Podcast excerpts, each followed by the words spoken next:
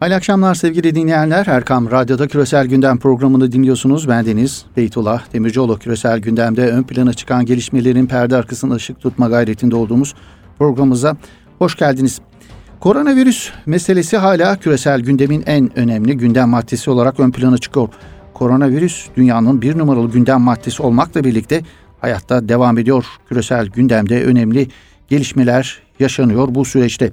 Programımızda koronavirüs ile alakalı değerlendirmelere bugünlük ara verip Orta gündemindeki gelişmeleri konuşmak, değerlendirmek istiyoruz. Orta gündeminde de önemli sıcak başlıkları var. Libya'daki gelişmeler bunlardan biri mesela Libya'nın Birleşmiş Milletler nezdindeki meşru temsilcisi Ulusal Mutabakat Hükümeti'ne bağlı güçler son dönemde cephede önemli kazanımlar elde etti. Bu başarının Libya'nın geleceğine etkilerini konuşacağız, değerlendireceğiz. Libya haricinde Arap medyasında Filistin davasına yönelik saldırılar, işgal devleti İsrail'i temize çıkarmaya yönelik algı operasyonlarını yine bu anlamda bu çevrelerin Türkiye karşıtlığının ardında yatan motivasyonları yine koronavirüs sonrası Orta Doğu'yu neler beklediği gibi soruların cevaplarını arayacağız program konuğumuz ile. Konuğumuz AK Parti Genel Başkan Danışmanı Profesör Doktor Yasin Aktay Bey olacak.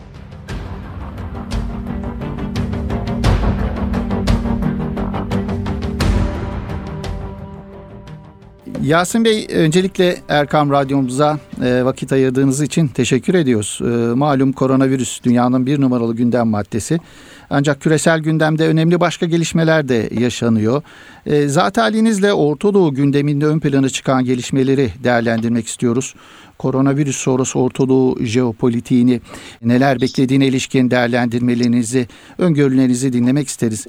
İsterseniz en sıcak başlıklı gelişmeden başlayalım.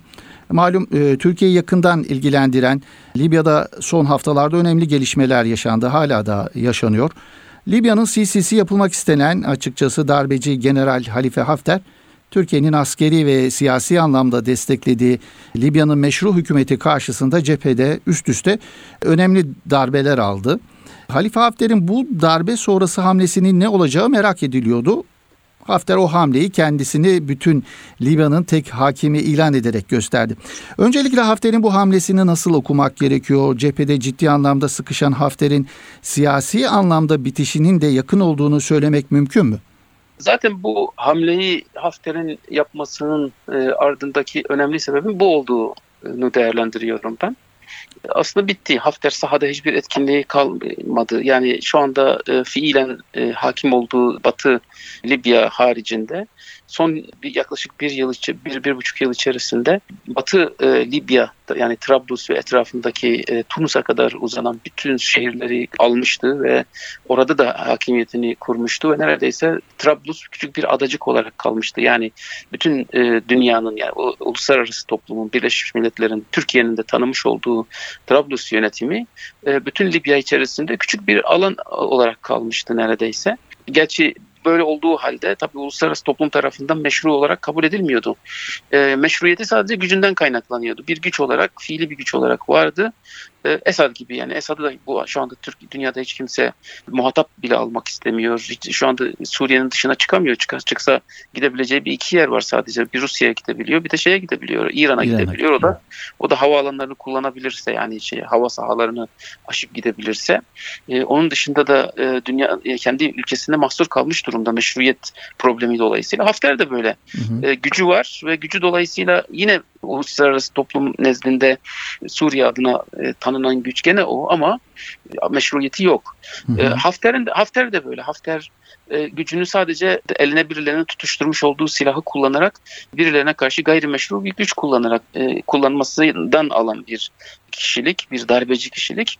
Evet. E, bu darbeci kişiliği dolayısıyla tabii e, neticede bir gücü vardı. Hı. Ve bu gücü, güç fiili güç olarak neredeyse Trablus'u almasına ramak kalmıştı. Yani Türkiye devreye girmemiş olsaydı o dönemde, daha doğrusu Trablus yönetimi Türkiye'den yardım talep etmemiş olsaydı ve Türkiye girmemiş olsaydı, şimdi Trablus yönetimi de bitmiş olacaktı. Bugün yeni bir Sisi ile yani Libya'nın Sisi'si olarak hı hı. Hafter'le muhatap oluyor olacak bütün dünya. Hı hı. Ve Hafter e, her şeye hakim olacaktır. Libya'nın belki de önümüzdeki dönemdeki yeni Kaddafi'si olarak aynı e, üslupla, aynı tarzla e, hükmeden evet. hatta daha da kötü, daha da kötü çünkü gelen gideni hakikaten artıyor bu tür diktatörlüklerde. E, Sisi'nin şu anda mübareği ve Enver Sedat'ı hatta Abdülnasır'ı aratıyor olması gibi. Hı hı. E, burada Türkiye'nin devreye girmesi tabii dengeleri değiştirdi. Değiştirdi, de, değiştirdi. İlk etapta Trablus, Trablus'un savunması üzerine odaklandı. Trablus'a girememiş oldu. Ee, ama şimdiye kadar sadece Trablus savunması üzerine odaklanmıştı. Hafter tabii e, bu savunmanın sadece savunma olarak kaldığını zannetti kalabileceğini zannetti. Türkiye'nin daha ileri boyutlarda e, kendisine e, direnemeyeceğini düşündü. Türkiye ve bütün dünya şu anda koronavirüsle meşgul iken büyük bir e, hesap hatası yaptı ve Berlin, Berlin Anlaşması'nda da herkes zaten ateşkes imzalamıştı. Kimse yardıma koşamazdı. E, kendisi de e, yapanın yanına kar kalır düşüncesi belli ki onda çok ciddi bir anlamda yer tutmuş e, durumda. Hı hı. E, millet koronavirüsle uğraşırken 2-3 hafta önce Trablus'a yeni bir saldırı başlattı. Hı. Ve Trablus'u artık işi bitirme noktasında niyetiyle başlattı. Tabii Türkiye Türkiye'nin Kasım ayı itibariyle başlatmış olduğu Libya Ulusal mutabakat hükümetiyle e, yapmış olduğu ittifak çerçevesinde e, vermiş olduğu vaatleri yerine getireceğini çok da fazla herhalde hesaba evet. katamadı. Ve bunun e, nereye uzanacağı, nasıl bir güç olduğunu fazla hesaba katamadı.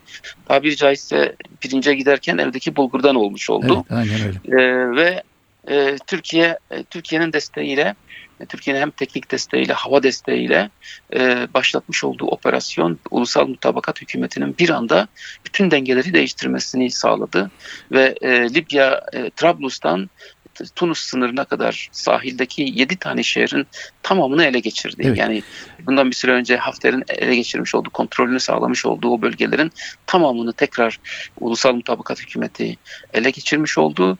E, Tarhuna'ya yöneldi. Misrata'yı özgürleştirdi yani rahatlattı. E, Misrata'ki yani e, direnişin çok önemli şeylerinden bir tanesidir. E, merkezlerinden bir tanesidir. Tarhuna'nın şu anda düşmesi an meselesidir ki Tarhuna'da e, çok önemli şeyler var. Çok önemli bir üs. Hafter'in batıdaki operasyonlarının tamamını yürüttüğü hareket e, noktasıydı. Hareket noktası. O hmm. hareket noktasının da şu anda ele geçirilmesine ramak kalmış olduğunu söyleyebiliriz. Orası da ele geçirildiği andan itibaren zaten e, psikolojik olarak da e, şey çökmüş durumda. E, Hafter çökmüş durumda. Çünkü bir buçuk iki yıldır yapmış olduğu bütün hesap şu anda e, alt üst olmuş oldu. E, büyük bir hezimet yaşamış oldu. İşte bu hezimeti yaşarken yapabileceği en önemli şey ne olabilirdi?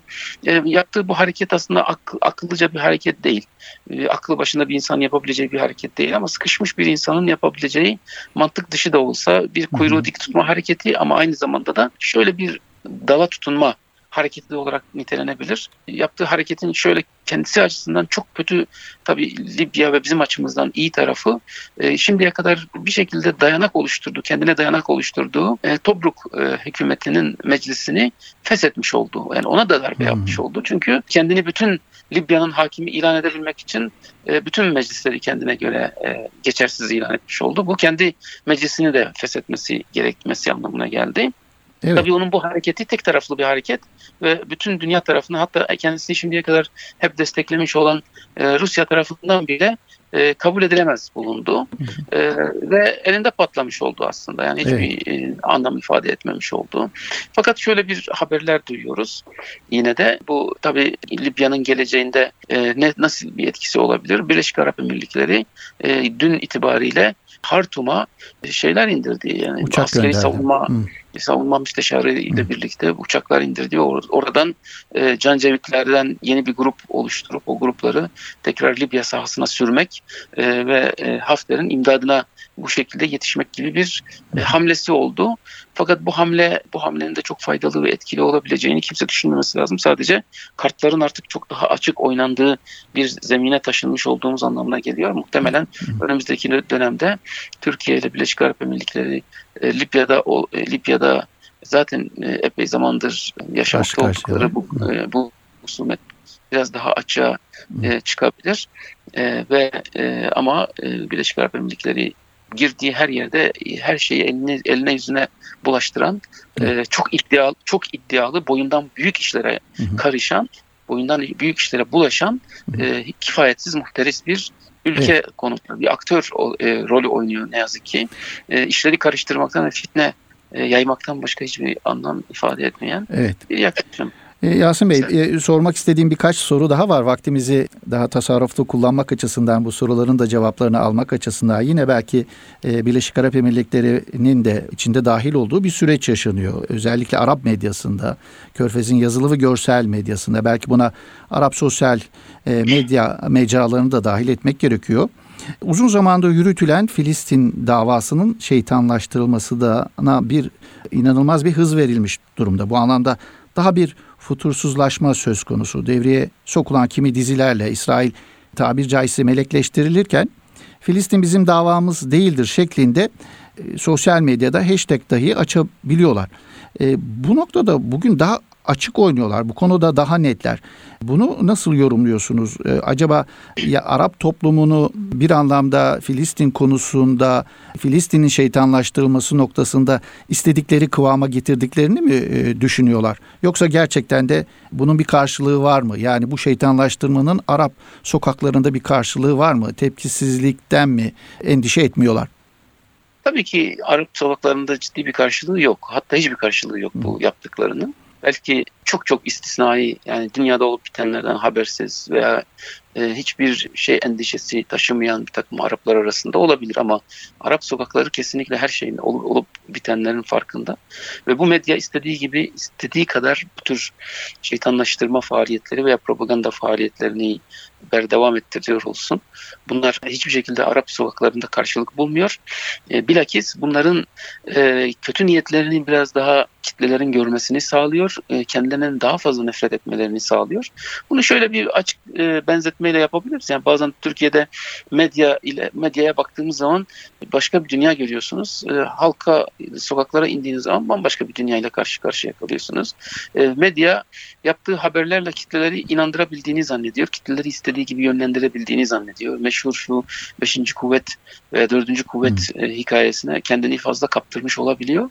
Ama e, şeyi fark edemiyoruz. Türkiye'de de yaşanan zamanında çok e, yaşandı. Yani medyaya baktığınız zaman işte Refah Partisi'nin kazanma ihtimali yoktu. E, belediye başkanı seçimlerini mesela. Veya AK Parti'nin e, belli dönemlerde e, hiçbir şekilde hiçbir şans tanınmadığı bir durumlarda e, bütün medyanın aleyhine çalıştığı durumlarda e, AK Parti'nin nasıl kazandığını gördük e, zamanında. E, bu dizilerle, bu tür e, operasyonlarla belki eğlence sektörüne bir şeyler katmış olabiliyor. Millet eğlenerek izliyor da olabilir ama evet. e, İsrail algısının Arap sokaklarında değişmesi imkansızdır. Hı hı. Yani çünkü orada çok fiilen var olan bir Kudüs hadisesi ve Kudüs'ün işgal altında olması meselesi. Mevzu sadece Filistin'le kalsa belki Filistin davası dolayısıyla insanlar hani bir Arap toplumu işte bir Yahudiler tarafından işgal edilmiş ilk defa yaşanan bir hadise değil. Evet. İslam toplumu, İslam'ın birçok toprağı birçok e, gavurlarca işgal edilmiştir.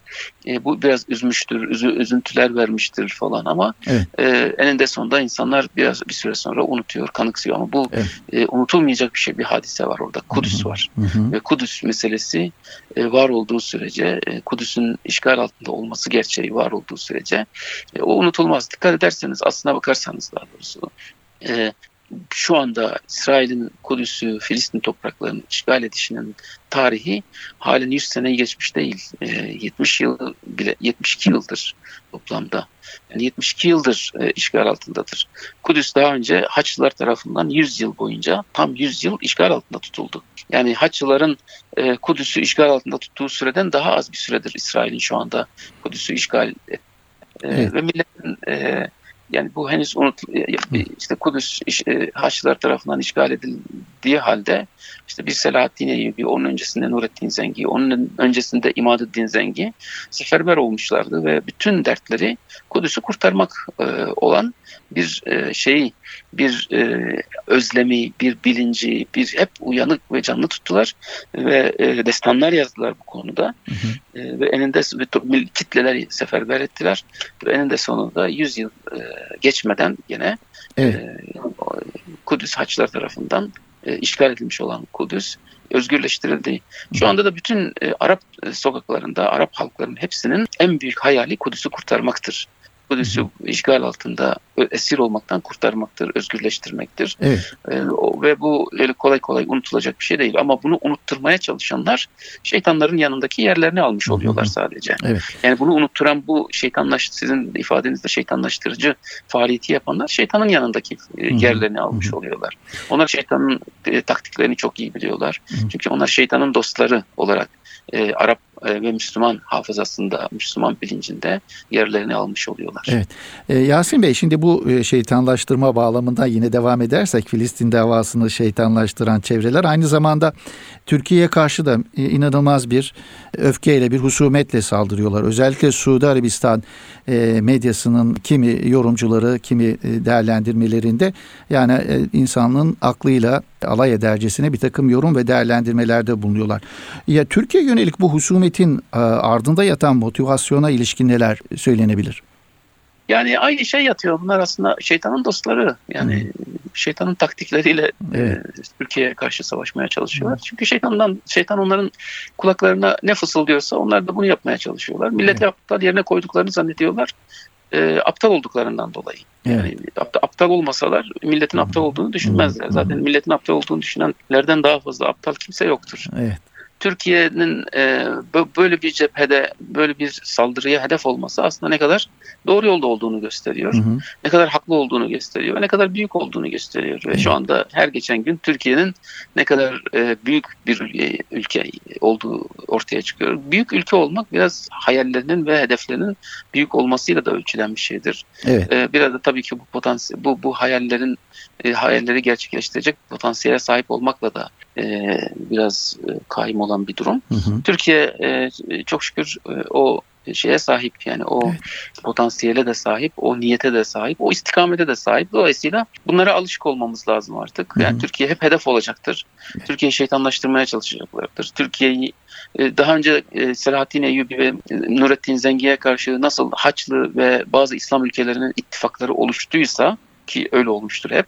Bugün de aynı şeyleri hep e, görmeye alışacağız. Dikkat edersen işte Fatımi Devleti uzun süre Haçlılarla ittifak ettiği şeye karşı.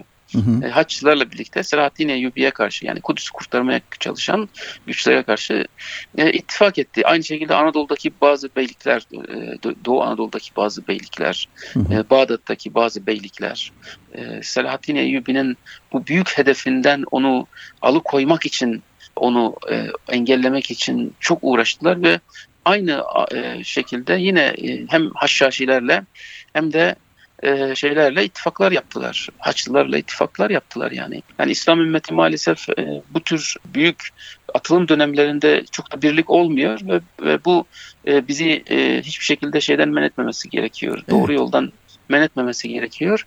E, biz yola koyulduğumuz zaman e, kendimize muhalif olarak ilk e, muhtemelen en yakınlarımızı Hı. görmekteyiz.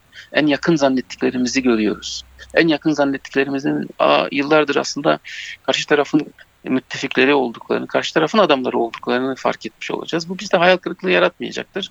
Çünkü tarih tekerrürden ibarettir. E, tarihte kötülükler de tekerrür ediyor ama kötülükler yanında büyük güzel işler de tekerrür ediyor. Biz inşallah o güzel işleri yapanların safında İnşallah, oluruz. İnşallah. Ee, Yasin Bey son soru olarak şimdi koronavirüsün Orta Doğu jeopolitiğine etkileri ne olacağı merak edilen konulardan biri özellikle düşen petrol fiyatları sonrası ekonomileri petrol gelirlerine bağlı körfez ülkelerinin neler bekliyor sorusu ön plana çıkıyor. Buna ilişkin değerlendirmenizle birlikte özellikle yine koronavirüs sonrası gündeme gelen kim analizlere yansıyan Rusya'nın e, Moskova yönetiminin Esed'i gözden çıkarabileceği yönünde görüşler e, yansıyor kimi analizlere. Moskova'yı bu noktaya e, gelmeye iten sebepler neler? Bu iki sorumuzu da e, özetleyerek cevaplandırırsanız seviniriz.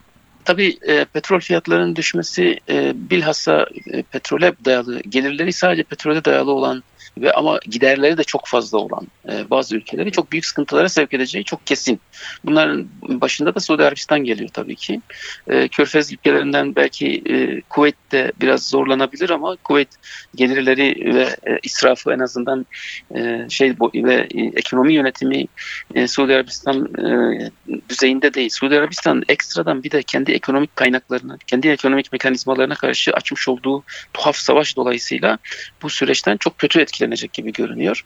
Kuveyt'te etkili bütün ülkeler yani bütün petrole dayalı, gelirleri petrole dayalı olan bütün ülkeler şu anda e, çok kötü e, etkileniyor ve etkilenmeye de devam edecekler.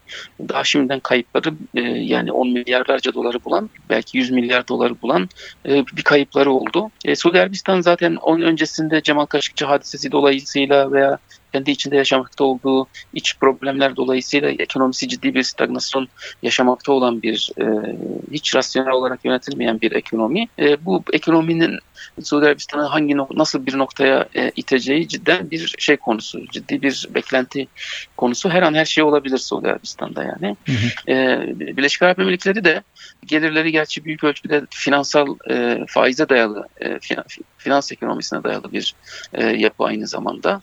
E, ticarete ve finansa. O da tabii bu süreçten çok ciddi anlamda etkileniyor ama bu bütün dünyanın etkilenmesinden ne kadar farklılık arz edecek o ayrı bir mevzu ama birçok bir cephede şu anda e, kayıplar yaşaması onda ciddi bir moral bozukluğuna yol açması mukadder. Bilhassa e, Libya'daki Libya'da yapmakta olduğu, desteklemekte olduğu Hafter'in bir anda savaş suçlusu olarak ilan edilip Lahey'de yargılanmasının önü da açılabilir. Bu, bu olduğu takdirde onu destekleyen ülkelerin de bundan etkilenmemesi mümkün değil. E, o suçlanmaması mümkün değil ki zaten biliyorsunuz Türk hukukçuları, Amerikan ve İngiliz hukukçuları birlikte e, geçtiğimiz dönemde e, Muhammed Bin Zayed hakkında bir suç duyurusu yapmışlardı. Hem Yemen'de irtikap ettiği bazı suçlar dolayısıyla hem Libya'da Hafter'e verdikleri destekler dolayısıyla e, onu onun hakkında suç duyurusu yapmışlardı ve bu suç duyurusu dolayısıyla Muhammed Bin Zayed de Esad'ın durumuna düşebilir. Evet. E, zaten Muhammed Bin Selman e, Kaşıkçı dolayısıyla e, ciddi zorluklar yaşamakta. E, onun dışında Esad'ın e, ikinci sorunuza gelirsek yani Esad'ın e, Esad'ın e, gözden çıkarılıp çıkarılmayacağı noktasında Moskova'da. çıkarılıp çıkarılmaması doğrusu biraz daha e, zaman isteyen bir şey. Yani henüz Rusya'nın e, bu konuda Rusya e, bu konuda çok acele hareket eden bir ülke değil ve e, bir insanın son noktasına kadar kullanmadan e, şey yapmaz ama daha önce Babrak Karmal tecrübesi vardır e, Afganistan'da yani kullanıp kullanıp atma Hı. özelliği de var. Bu büyük evet. devletlerin özellikle Rusya ve Amerika'nın böyle özellikleri var. Yani kullandıkları kişilere karşı bir vefa borcu hisseden ülkeler değil bunlar. Yani şu anda Rusya'nın Esad'a olan Esad'da olan desteği, ona olan aşkından veya ona olan vefa e, borcundan kaynaklı bir şey değil. E, demek ki onun yerine e, daha makul ikame edebileceği bir e, unsur bulamadığını düşündüğünden de dolayı olur. E, Türkiye ile Rusya'nın arasındaki belki alışveriş, ilişki, yakınlaşma e, Türkiye ile Rusya'nın beraber e, Suriye'nin geleceğinde e, iki tarafında çıkarlarını ve tabii ki Türkiye açısından çıkar demek kendi e, kendi ülkesel çıkarından ibaret değil aynı zamanda e, Suriye halkının da çıkarı demektir. Çünkü Türkiye e, Suriye halkına zorla dayatılacak herhangi bir formüle hep karşı çıktı. E, Suriye halkını da temsil etme e, görevi gördü e, Türkiye. E, doğrusu buna hakkı da var. Bun, buna da fiilen de yapıyor da bunu zaten. Yani şu anda Türkiye fiilen e, Türkiye'deki 4 milyon Suriyeli, Suriye toprakları içerisindeki diğer 4 milyon Suriyeli yani Afrin, Barış Pınarı, Zeytin Dalı ve e, Barış Pınarları operasyonları bölgesinde yaşamakta olan e, yaklaşık 4 milyon e, Suriyeli daha var.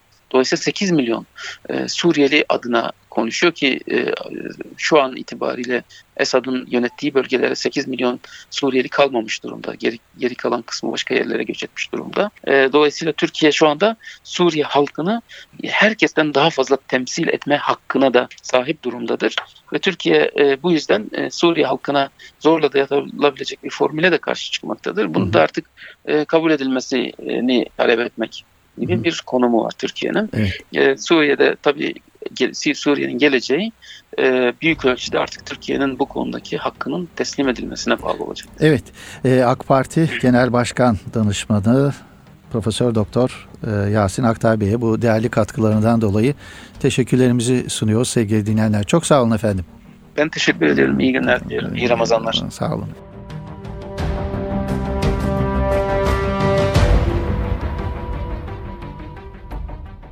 Sevgili dinleyenler, bugün de Küresel Gündem programımızın böylelikle sonuna gelmiş bulunuyoruz. Yeni bir Küresel Gündem programında buluşmak ümidiyle.